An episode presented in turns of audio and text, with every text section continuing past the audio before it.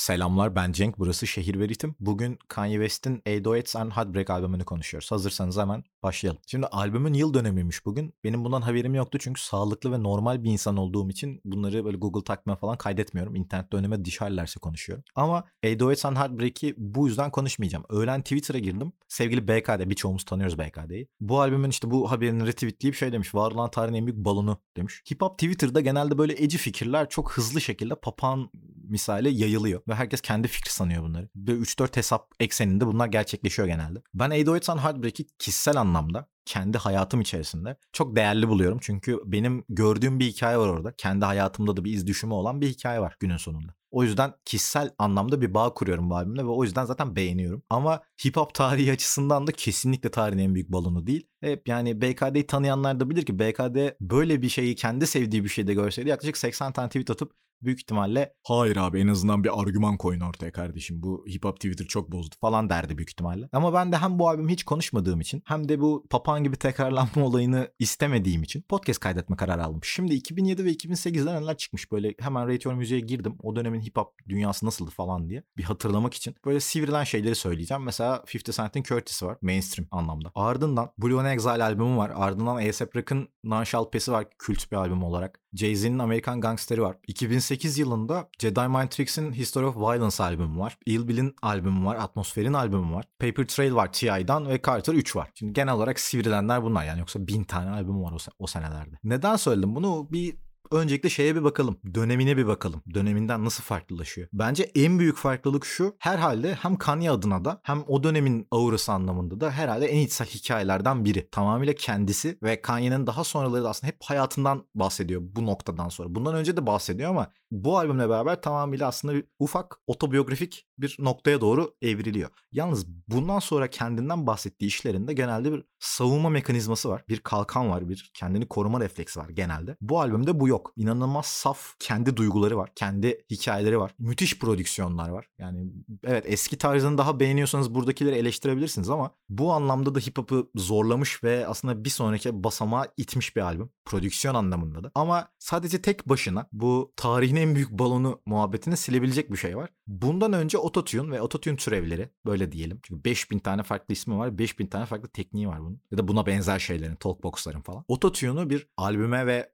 yapıta aslında hikayeye, anlatıya, duyguya derinlik katan bir şey olarak ilk defa burada görüyoruz. Yani Kalpsiz isimli şarkıda, Türkçesini daha çok beğendiğim Kalpsiz isimli şarkıda inanılmaz bir şekilde ekstra duygu katıyor ototune. Ve bu da aslında hem sanatçıların hem mainstream'in işte dinleyicilerin yani ototune'a bakışını çok değiştiriyor. Ya da değiştirsin veya değiştirmesin. Bunun kullanımı bile hip hop içerisinde inanılmaz önemli bir şey bence. Çünkü hakikaten oyuna yeni bir şey katıyor. Yani bundan önce Kanye genelde yaptığı şeyi çok iyi yapıyor. Ama burada gerçekten kendi kariyeri adına da hip hop tarihi adına da ikonik bir an var. Hakikaten yeni bir şey katıyor ortaya. Hani Steve Jobs iPhone gibi bir şey bence. Ardından bence kendi yani biraz daha sonraları yine bir hip hop boom var ya, hip hop patlaması var yani. O hip hop patlamasını da iten albümlerden bir tanesi. Şimdi 2008 olduğu için biraz kaçırıyoruz ama bu albüm internete aleve vermişti. Şimdi albümün çok basit bir şey söyleyeceğim. Albümün solunda böyle renk şeyi var. Ee, ne derler ona? Ufak renkler var. O renkler mesela albüm çıktıktan belki iki gün sonra falan bütün internet sitelerinde şey olarak vardı. Kendi bloğunuza ekleyebiliyordunuz onları. Çünkü bir bu tarz mesela komple bir şekilde yayıldı. Bundan önce de evet olanlar olmuştur. Şu an aklıma spesifik bir örnek gelmiyor ama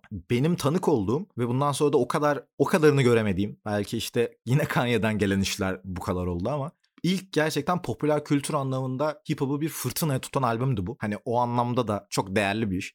Birçok anlamda çok değerli bir iş. Sadece bakmak gerekiyor. O yüzden bir bakmanızı tavsiye ederim arkadaşlar. Yani bundan önce ne olmuş, bundan sonra ne olmuş onlara bir bakmanın çok önemli olduğunu düşünüyorum. Hani belki şey gibi düşünüyorum. Yani belli bir noktada tam o dönemi yakalayamadığın zaman e, tam şey şey gibi değilsin yani. Yakalayamıyorsun aslında. Neden o nedenin içini kolay dolduramıyorsun. Ama baktığın zaman birçok noktada çok ittiğini görüyorum hip hop'ı. Kend, sadece kendi başına yani. Ki bence zaten Kanye West'i de aslında bu kadar yukarılarda yazma sebeplerimizden biri. Evet bazılarımız sanat anlamında çok seviyordur ama bazılarımız da bu noktalara tanık olduğu için seviyor da olabilir. Ama ekstra olarak daha önceleri BKD ile de konuştuğum, e, birkaç kişiyle daha konuştuğum, podcast'te de ifade ettiğim, tweet olarak da ifade ettiğim bir şey var. Bence bu tarz işlerde e, şeyi bir göz önüne almak lazım. Yani iyi söz yazarı değil Kanye mesela. E tamam da yani söz yazarlığından kastın ne? Yani iyi mi rhyme yazmıyor mesela? Bu, bu az önceki e, şeyle alakası bir şekilde söylüyorum bunu. E zaten ama Kanye hiçbir zaman bunu hedeflemiyordu. Kanye'yi bence anlaman için ya Kanye ile empati kurmaya çalışman lazım ya da bu nasıl yazılmış? Hani bu, ya da bu neyi hangi duyguyu hedef alarak yazılmışa bakman gerektiğini düşünüyorum kendi adıma. Ya şey gibi anladın mı? Bir kitap alıyorsun. Kafanda çok spesifik bir kitap isteği var. O kitap senin istediğin şekilde çıkmadı diye ya da olmadı diye bu kitabın hiçbir değeri düşmüyor ya aslında. Hani yani Yüzüklerin Efendisi gibi bir şey arıyorsun. Dune alıyorsun. Bu ne abi falan diyorsun.